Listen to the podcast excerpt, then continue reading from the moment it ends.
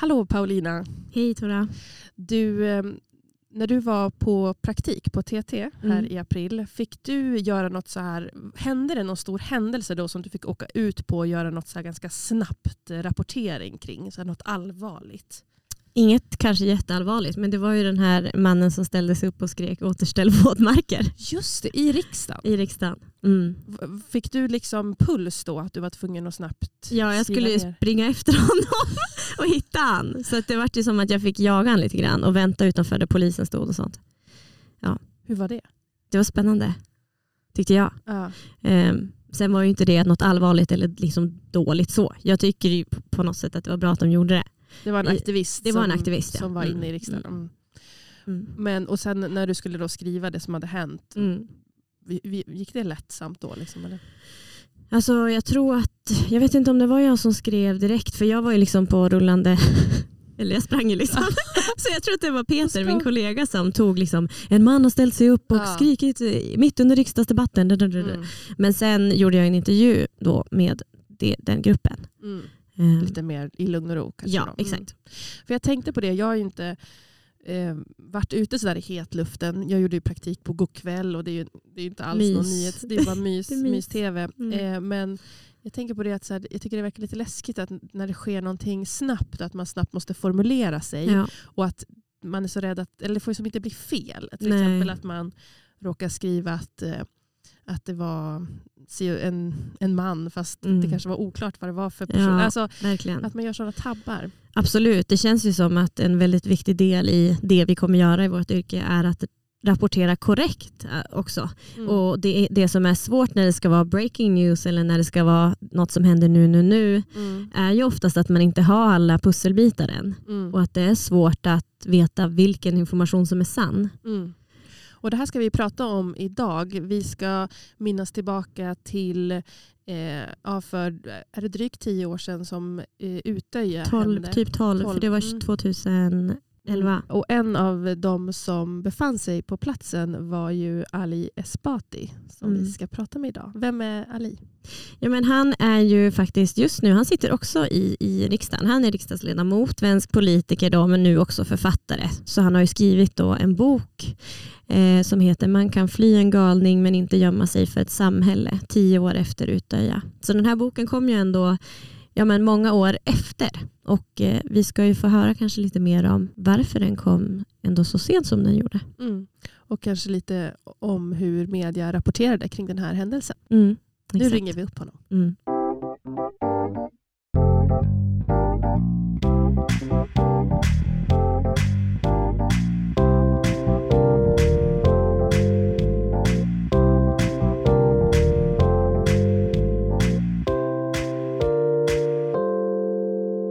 Välkommen till podden.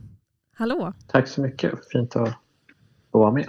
Vi kan väl börja i din bok. Man kan fly en galning men inte gömma sig för ett samhälle tio år efter Utöja. Vad skulle du säga är liksom kärnan i, i den, här, den här boken? Ja, det är ju egentligen två trådar som vävs ihop. Och dels är det ju helt enkelt en beskrivning av det som hände mig eh, den dagen, eh, den eh, 22 juli 2011. Och det terrorattacken som eh, ägde rum och som jag råkade bli en del av eller ett offer för eller vad man ska säga. Men så är det ju också då en ett försök att sätta in det som hände i ett historiskt eh, och politiskt perspektiv egentligen då. Eh, att skriva om både eh, den eh, säga, ideologiska bakgrunden som eh, terroristen eh, hade och eh, vad det var för typ av vad är det för typ av världsbild och resonemang som, eh, som liksom för fram till eh, eh, att man begår ett sånt här eh, brott. Och sen blir det ganska mycket en analys av eh, samhällsutvecklingen i, i Sverige och Norge eh, med den, eh, under, under de här senaste tio åren men också lite innan. Ehm, och en personlig eh, men politisk infallsvinkel på, eh, på den samhällsutvecklingen. Så jag skriver mycket om islamofobi, rasism och hur det påverkar eh, samhällsutvecklingen och hur det påverkar den som lever i ett samhälle som det svenska eller det norska när eh, den typen av, av resonemang normaliseras mer i den allmänna debatten och den eh, samhällsliv som man har runt omkring sig. Mm. Vad, vad lärde du dig då, tänker jag, under ja, men skeendet, alltså själva attacken och efter om mänskligheten och kanske rent utav Norden då eftersom att det var så centrerat till ja, men Norge och att det var svenska medier som skrev om det? Ja, eh, alltså under själva händelsen så är det ju väldigt mycket som är, som är starkt och udda egentligen som kommer fram. Att man eh, känner en del på sina egna gränser och man blir lite förvånad kanske över hur kroppen och psyket reagerar. Så det är en väldigt speciell sak att vara med om på det sättet. Men, eh, ganska omedelbart eh, efter så eh, upplevde jag att det fanns en väldigt stark eh, dragkamp om narrativet egentligen. Alltså hur skulle det här mm. som just hade hänt beskrivas och förstås och vad skulle det säga om eh, det eh, samhälle som eh, den här eh, terrorn har ändå kunnat eh, växa fram i. Och vad drar vi för slutsatser av det? Kan vi eh, förstå mer av mm. vår samtid genom det som den blixtbelyser eller inte? Och det eh, Eh, blev väldigt tydligt att det var en slags eh, konfliktfråga i grunden, alltså en dragkamp om eh, den här verklighetsbeskrivningen. Um, och det föranledde ju massa Eh, tankar och funderingar också om, eh, ehm, om hur eh, ja, samhällsutvecklingen hade varit innan och vad det betyder för eh, en person som lever i det i det, i det samhället. När jag började skriva boken, ska jag säga, att då, ja, då, tanken var att jag skulle skriva boken egentligen ganska kort efter att det det här hände. Mm. Att det var liksom det som var utgångspunkten. Sen blev det inte av och så återkom jag mer då till materialet och fick färdigt det till um, att det hade gått tio år. Um, mm. Och uh, det var under den här tiden så när jag liksom umgicks med materialet så att säga så blev det eh, alltså mina anteckningar från det som hade hänt och mina funderingar, tankar som jag har utvecklat ibland i form av artiklar eller föreläsningar.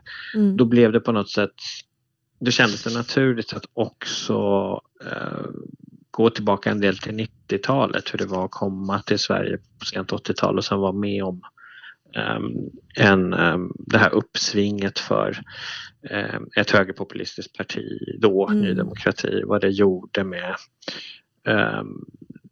den allmänna debatten och det att liksom leva i, i det svenska samhället som de som hade kommit till Sverige. så att det, det blir det blev på så sätt naturligt att titta lite mer på och fundera lite mer över um, både skillnader och likheter mellan de här epokerna. Om man mm. säger Ny Demokratis uppsving eh, då, islamofobins eh, uppsving eh, närmare vår tid och, och, med partier som Fremskrittspartiet i Norge eller Sverigedemokraterna i Sverige, vad, vad det spelade för roll för den debatten och vad de hade för funktion. Mm det här du nämnde om den här dragkampen kring hur skulle man beskriva det här skeendet, då, det här som hade hänt eller som hände. Kan du berätta lite mer, vad var det en dragkamp mellan, vilka bilder var det som mm. florerade? Så konkret.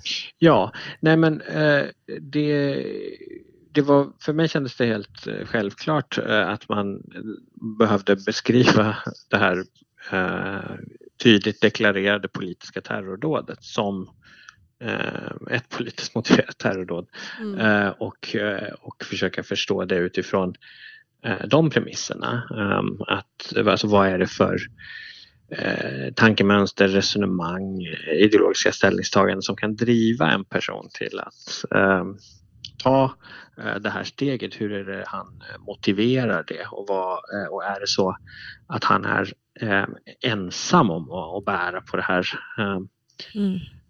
ideologiska godset, då är det ju en då är det en sak, då, då sitter han ju i fängelse, då är vi färdiga med det. Men, men det är ju inte så, det var inte så, det är inte så utan det här är ju eh, tankar, resonemang, funderingar, världsbilder som eh, ju är mycket större än den här enskilda personen. Så det var, det var ett perspektiv som jag menar är den, den riktiga men mm. det fanns en väldigt stark eh, tendens att eh, vad ska man säga, eh, individualisera och, och psykologisera eh, det här eh, mm.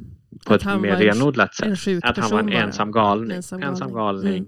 Uh, och, uh, och bara det. Uh, och att det, det var ju också någonting så den här dragkampen kom ju också egentligen på sitt eget sätt uttryck sen i inte bara i den allmänna debatten utan också i exempelvis under rättegången då. Där det, mm. var, det var en central fråga huruvida um, den här personen skulle anses som otillräcklig eller inte. Alltså en person som juridiskt kan bära straffansvar eller inte. Och det, det, det är inte helt och hållet samma fråga men det kom att var, ha med sig många element av det.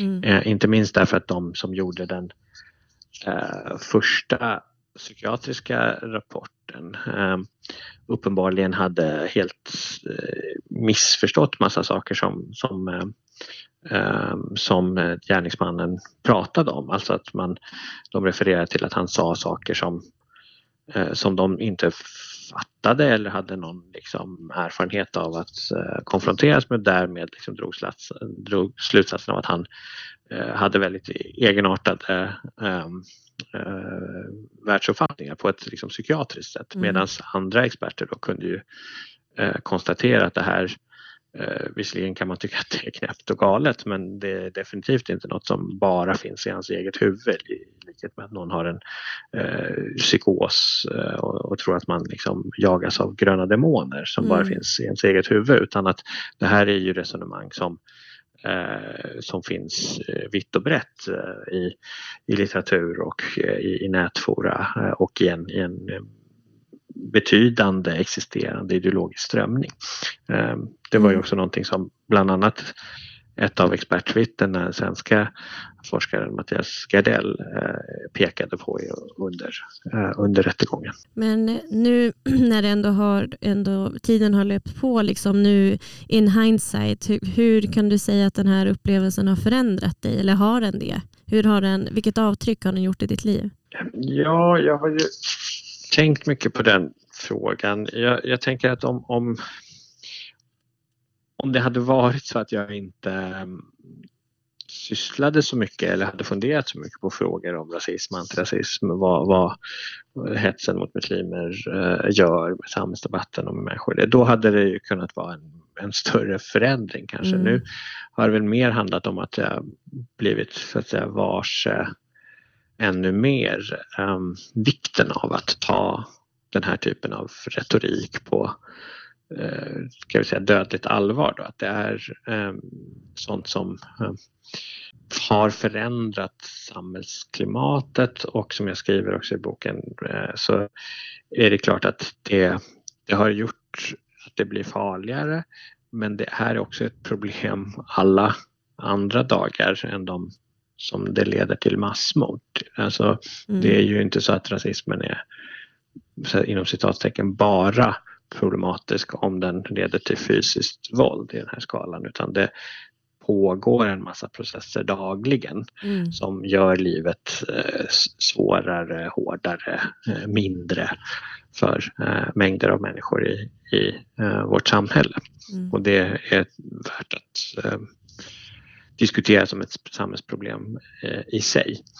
Men jag ska också säga att jag, eh, jag noterar också i boken att det, det, är väldigt mycket vanligare att jag får just den frågan. Mm. Alltså frågan hur har det förändrat dig? Mm. Eh, mer egentligen än frågan hur har det här förändrat vårt samhälle? Eller hur borde det, mm. hur kunde det ha förändrat vårt samhälle? Och där en ska vi säga, känsla som jag brottas med under eh, skrivandet av boken som kommer fram det är ju eh, egentligen reflektionen över att det hände så lite egentligen mm. efter det här mm. terrordådet som ju var eh, är den största terror, eh, politiska terrordådet i, eh, i Norden under efterkrigstiden som var eh, den största massskjutningen mm. i fredstid i i världen när det skedde.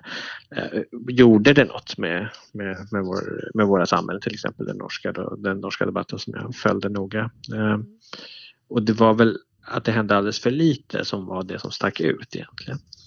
Um, sen tycker jag väl att det har hänt mer i, i Norge just runt tioårsmarkeringen. För att det var fler som började prata om det på ett annat sätt, eh, inte minst av av de överlevande själva som ju var många av dem väldigt, väldigt unga när det här hände men tio år senare eh, flera av dem på ett eh, annat sätt kunde delta i den allmänna debatten och lufta sina funderingar och upplevelser. Men i Sverige då på de här 10-12 åren, vad är det då som har vad ska man säga, vad är det som har vuxit sig starkast eller vuxit mest? Är det antirasismen eller är det rasismen eller är det båda de här? Det är en bra fråga. Alltså jag eh, upplevde ju väldigt starkt, om jag tar utgångspunkt i själva Utöja och, och debatten runt eh, det, att eh, Sverige har haft en motsatt utveckling än, än den norska. Alltså det var mycket lättare då 2011 och tiden strax efter att ha en vettigare eh, liksom samhällsinriktad, eh, politiskt grundad diskussion eh, i Sverige då än vad det mm. var i Norge. Det var mycket mer av, av, av eh, räddhågsenhet för den, det eh, perspektivet i, i Norge då. Men med tiden så har ju det varit en, en väldigt snabb utveckling i Sverige där eh, där eh, jag skulle säga rasistiska tankefigurer och rasistiska rörelser, krafter, politiska partier har mm. eh, vuxit sig eh, snabb, snabbt starkare. Så Sverige har haft en ganska extrem utveckling också om vi backar och tittar på eh, på Europa i sin helhet. Det är ju eh, anmärkningsvärt hur, hur, hur vi har i Sverige då eh, fått ett eh, väldigt eh, högerradikalt eh, parti som har blivit det näst största. Eh, mm. hur vi har eh, nu en regering i, som då baserar sig på det här partiet och som i sin retorik och sina, sin val av politiska teman eh, ligger eh, närmare den strömningen än egentligen kanske något annat land i, i Västeuropa i alla fall. Då. Mm. Eh, och det är, ju en, det är ju en dramatisk förändring från att Sverige ändå var ett land som lite grann stack ut runt 2010-11 eh, eh, på ett positivt sätt sett från mitt perspektiv. Så det, förändringstakten är väldigt snabb i mm. Sverige. Men eh, när du säger att det hände så lite efter dådet, vad hade du liksom önskat skulle ha skett? Vilken typ av samhällsförändring hade kanske behövts efter en sån händelse? En, ja, nej men en, en större eh, förståelse för och insikt i eh, hur eh, eh hatretorik fungerar, hur eh, eh ska säga, eh, en del stereotypa beskrivningar av muslimer eller människor från muslimskt dominerade länder egentligen eh, fungerar eh, i, i politisk och samhällelig mening. Att det inte är mm. frågan om någon slags religionskritik utan att det väldigt mycket är en fråga om, om rasism i en eh, egen eh, form. Då. Eh, och jag beskriver liksom, några grundvalar för hur den här eh, islamofobiska eh, retoriken eh, fungerar då, mm. och hur den har då blivit mer vanlig eller normaliserad. Sen ska jag absolut inte säga att det inte har hänt någonting. Jag upplevde redan då i, i Norge att det var, det var ändå många fler som förstod att uh, det här var uh, farligt. Man fick en större, man fick en större insikt eller fick upp ögonen för hur de här resonemangen fungerar och att det fick mm. en större plats i mångas medvetande och så. Men, uh, men de första åren i alla fall, de första fem, sex åren så, uh, så var det väldigt svårt att uh, diskutera Eh, den här mycket traumatiska händelsen för, som påverkar väldigt många i Norge. Det är ett litet land så väldigt många kände någon som kände någon åtminstone som hade varit med om det. Eh, det var väldigt svårt att närma sig det på annat sätt än det rent liksom personliga. Um, att det var hemskt och att eh, det var fruktansvärt att människor hade drabbats. Men med, tid, med, med tiden, inte minst runt den tioårsmarkeringen som sagt, så, uh, så upplever jag att det blev en, en, uh, en, en bättre bättre diskussion i, i den norska samhällsdebatten i alla fall.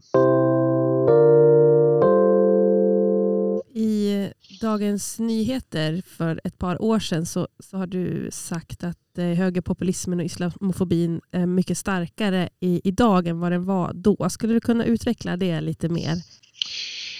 Ja, eh, alltså det enklaste sättet är väl egentligen att, att se på, på det partipolitiska landskapet. Alltså, mm. Eh, det, jag menar, eh, 2010 var första gången eh, Sverigedemokraterna till exempel kom in i riksdagen eh, och, och, även då var de ju väldigt isolerade eh, i, i, politisk mening. Idag ser vi en situation där dels att de är ett eh, väldigt stort parti eh, det näst, näst största eh, i Sveriges riksdag.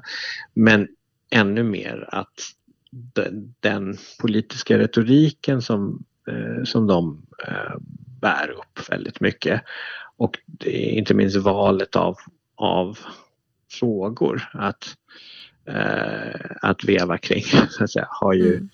tagit steget in i absoluta mitten, mainstream av, av svensk politisk debatt. Det dominerar eh, eh, vad ska vi säga, till exempel Agenda på söndagar under lång tid har ju nästan var och mm. varannan, eh, vart och varannat program har handlat om eh, invandring, brottslighet, invandrares brottslighet och så vidare. Mm. Och så vidare, och så vidare. Eh, och, och vi, vi, hör idag eh, företrädare för, för Sveriges eh, regering som kommer från andra partier än Sverigedemokraterna eh, låta på ett sådant sätt att som många ledande sverigedemokrater nog skulle eh, dra sig lite för att eh, uttrycka sig under eh, de första åren när de kom in i riksdagen. Eh, de, nu har det gått liksom längre hos andra till och med än hos, eh, hos ledande sverigedemokrater, hur man uttrycker sig och så. Mm. Eh, så, så det är ju, det är ju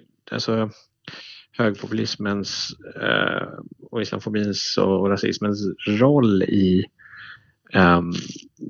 den allmänna debatten och sättandet av dagordningen för den som mm. är det mest uh, tydligt förändrade under de här, uh, under de här åren. Att liksom, det partipolitiska uttrycket är bara en, en del av det och inte mm. alls ens det viktigaste. Men syns det också i samhället, liksom i eh, brott mot eh, invandrare eller mot svarta? Eller, kan... dels, dels gör det ju det. Det, det kommer ju, eh, det har ju funnits undersökningar om, om islamofobiska brott, afrofobiska brott. Mm. Eh, men sen är ju mycket av det där ganska svårt att fånga med bara eh, bara statistik över, över våldsepisoder därför att eh, det händer ju massa saker under den ytan. Alltså mm. vad, vad, är det som eh, situationer där människor känner väldigt starkt obehag, situationer där folk exkluderas, eh, situationer där eh, det kan vara eh, eh, någonting som tröttar ut och, och är väldigt besvärligt och jobbigt för någon som lever med en, en kropp som, mm. som är mörkare eller har svart hår i eh, Sverige. Och sånt är svårt och eh, sånt är, kan vara svårt att metodologiskt så att säga fånga in. Mm. Men eh, det är det går att fråga folk som lever med de erfarenheterna om de upplever någon skillnad. Mm. Och eh, det tror jag rätt många eh, skulle svara jakande på. Ja, vi, vi pluggar ju till journalister och det här är ju någonting som vi under utbildningen också har pratat mycket om. Det här med dagordning, agenda setting, alltså allt det här. Och vi vill väl egentligen veta liksom vilka misstag som du har kunnat se att journalister gör ofta. Mm. Vad, ska man, vad ska vi tänka på när vi rapporterar? Mm. Nej, men, eh, i, I grund och botten handlar det om att vara medveten om att eh, dagordning sätts att, och att man eh, medverkar i den som, eh, eh, som journalist och ännu mer som, som redaktör i olika publikationer eller, eller medier. Att jag börjar med att liksom understryka det som egentligen är självklart att all debatt är redigerad i någon Mm. mån. Det är inte så att man bara slumpmässigt väljer ett tema och sen slumpmässigt dyker upp folk som diskuterar den utan eh, man gör alltid urval. Eh, och eh, då är frågan på vilka grunder görs det urvalet? Och då eh, finns det ju medvetna men också omedvetna eh, strukturer som, som gör att man, eh, man, man väljer eh, saker och väljer bort saker och väljer perspektiv och väljer bort perspektiv.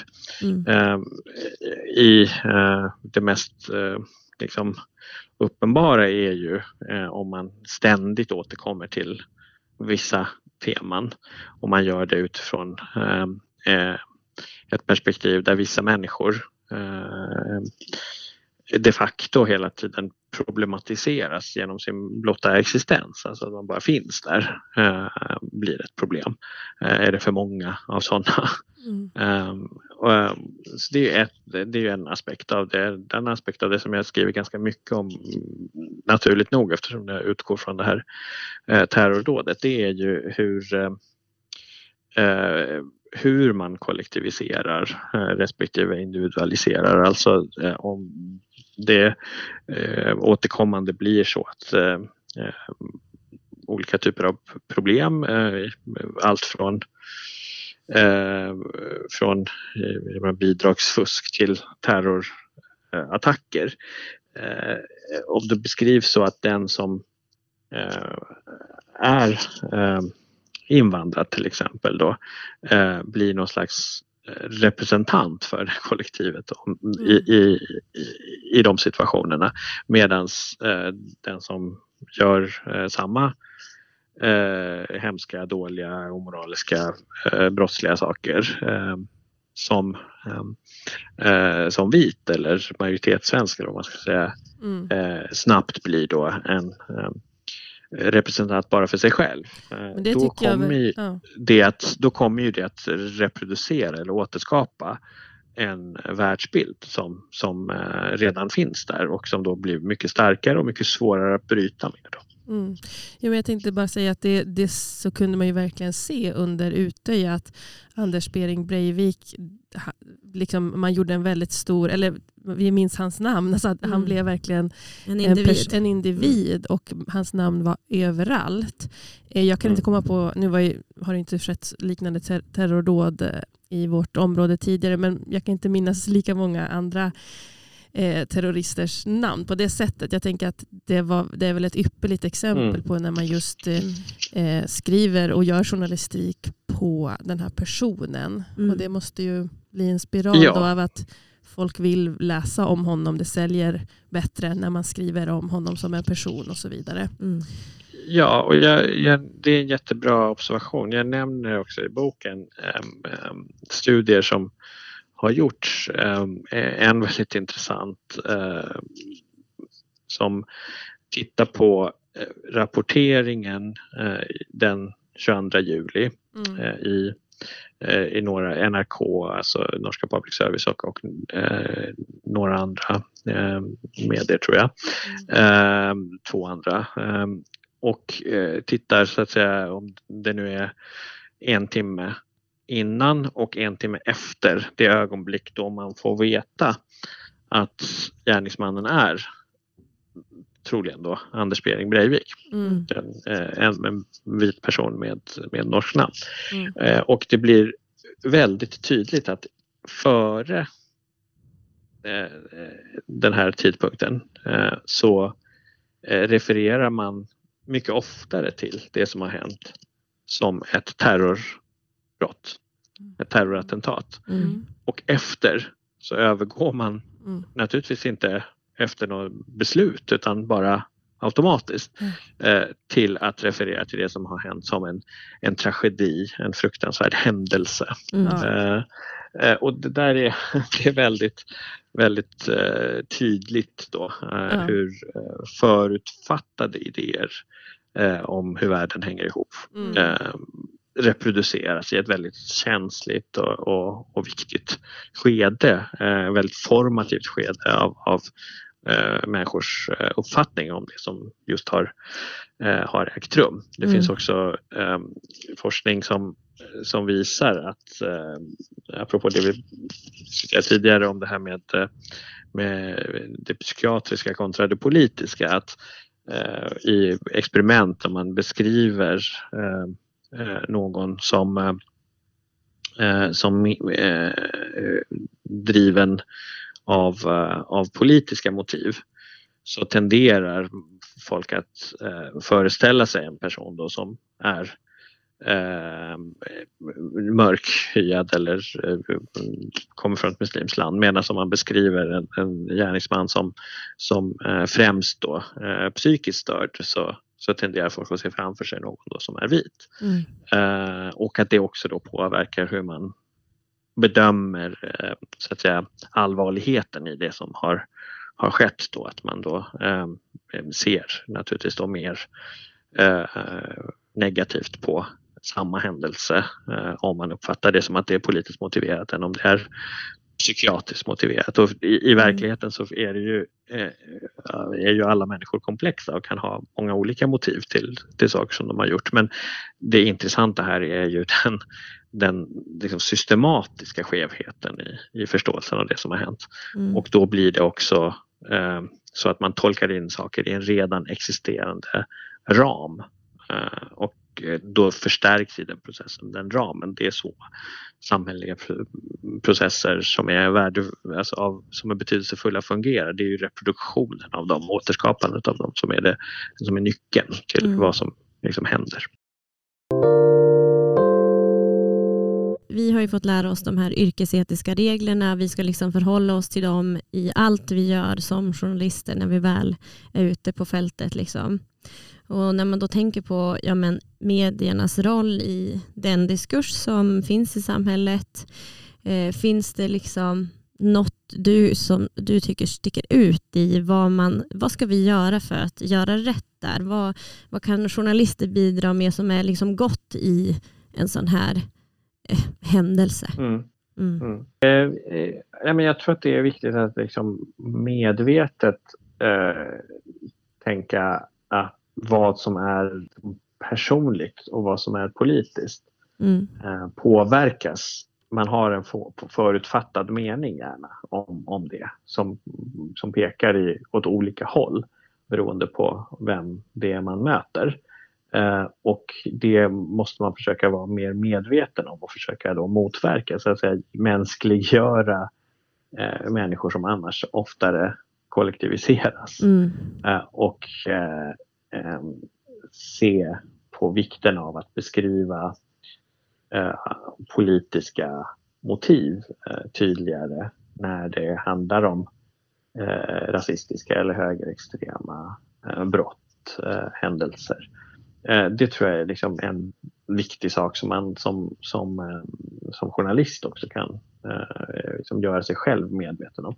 Men sen ligger ju det största ansvaret ligger ju på, på nivån redaktör, alltså vem som väljer vad som är intressant. Vad är det för, för eh, vinkel som man ska börja med och vad är det för urval inte minst av problemställningar och frågor Mm. som, eh, som man återkommer till. Jag eh, har citerat i boken, jag eh, pratade, har pr- pratat ofta om det numera, eh, eh, en, eh, alltså hur, det, hur, det, hur jag uppfattade läget på eh, Agenda, nyhetsmagasinet som är på, på, på söndagar.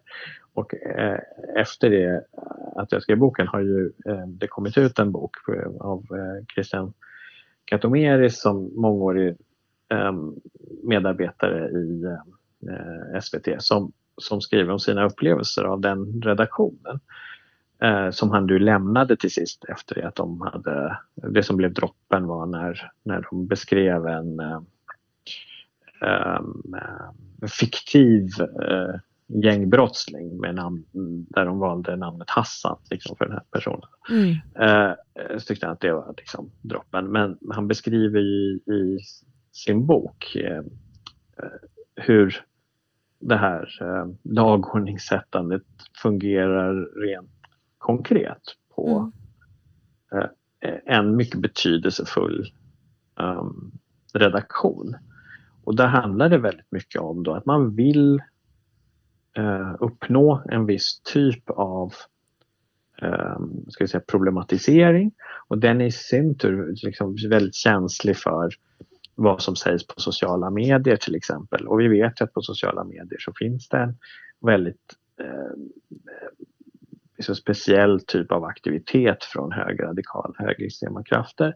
Och det får en faktisk effekt då för, eh, för urvalet av, av, av ämnen. Och urvalet av ämnen är normalt sett mycket, mycket viktigare än vad som sen sägs faktiskt sägs i de debatterna. Det är klart att någon kan göra en bra debatt eller dålig debatt, någon kan ha bra argument eller dåliga argument. Men det jag också skriver mycket om det är ju att det spelar faktiskt en mycket mindre roll än än vad det är för tema som man diskuterar. Jag menar, en agenda för ett antal år sedan, det var, det var tror jag 2012, hade eh, temat Hur mycket invandring tål Sverige? Mm. Så eh, är det klart att det är redan där är liksom mm. effekten klar. Sen kan ju någon säga jättebra saker och jättedåliga saker i den debatten och det får man väl försöka göra.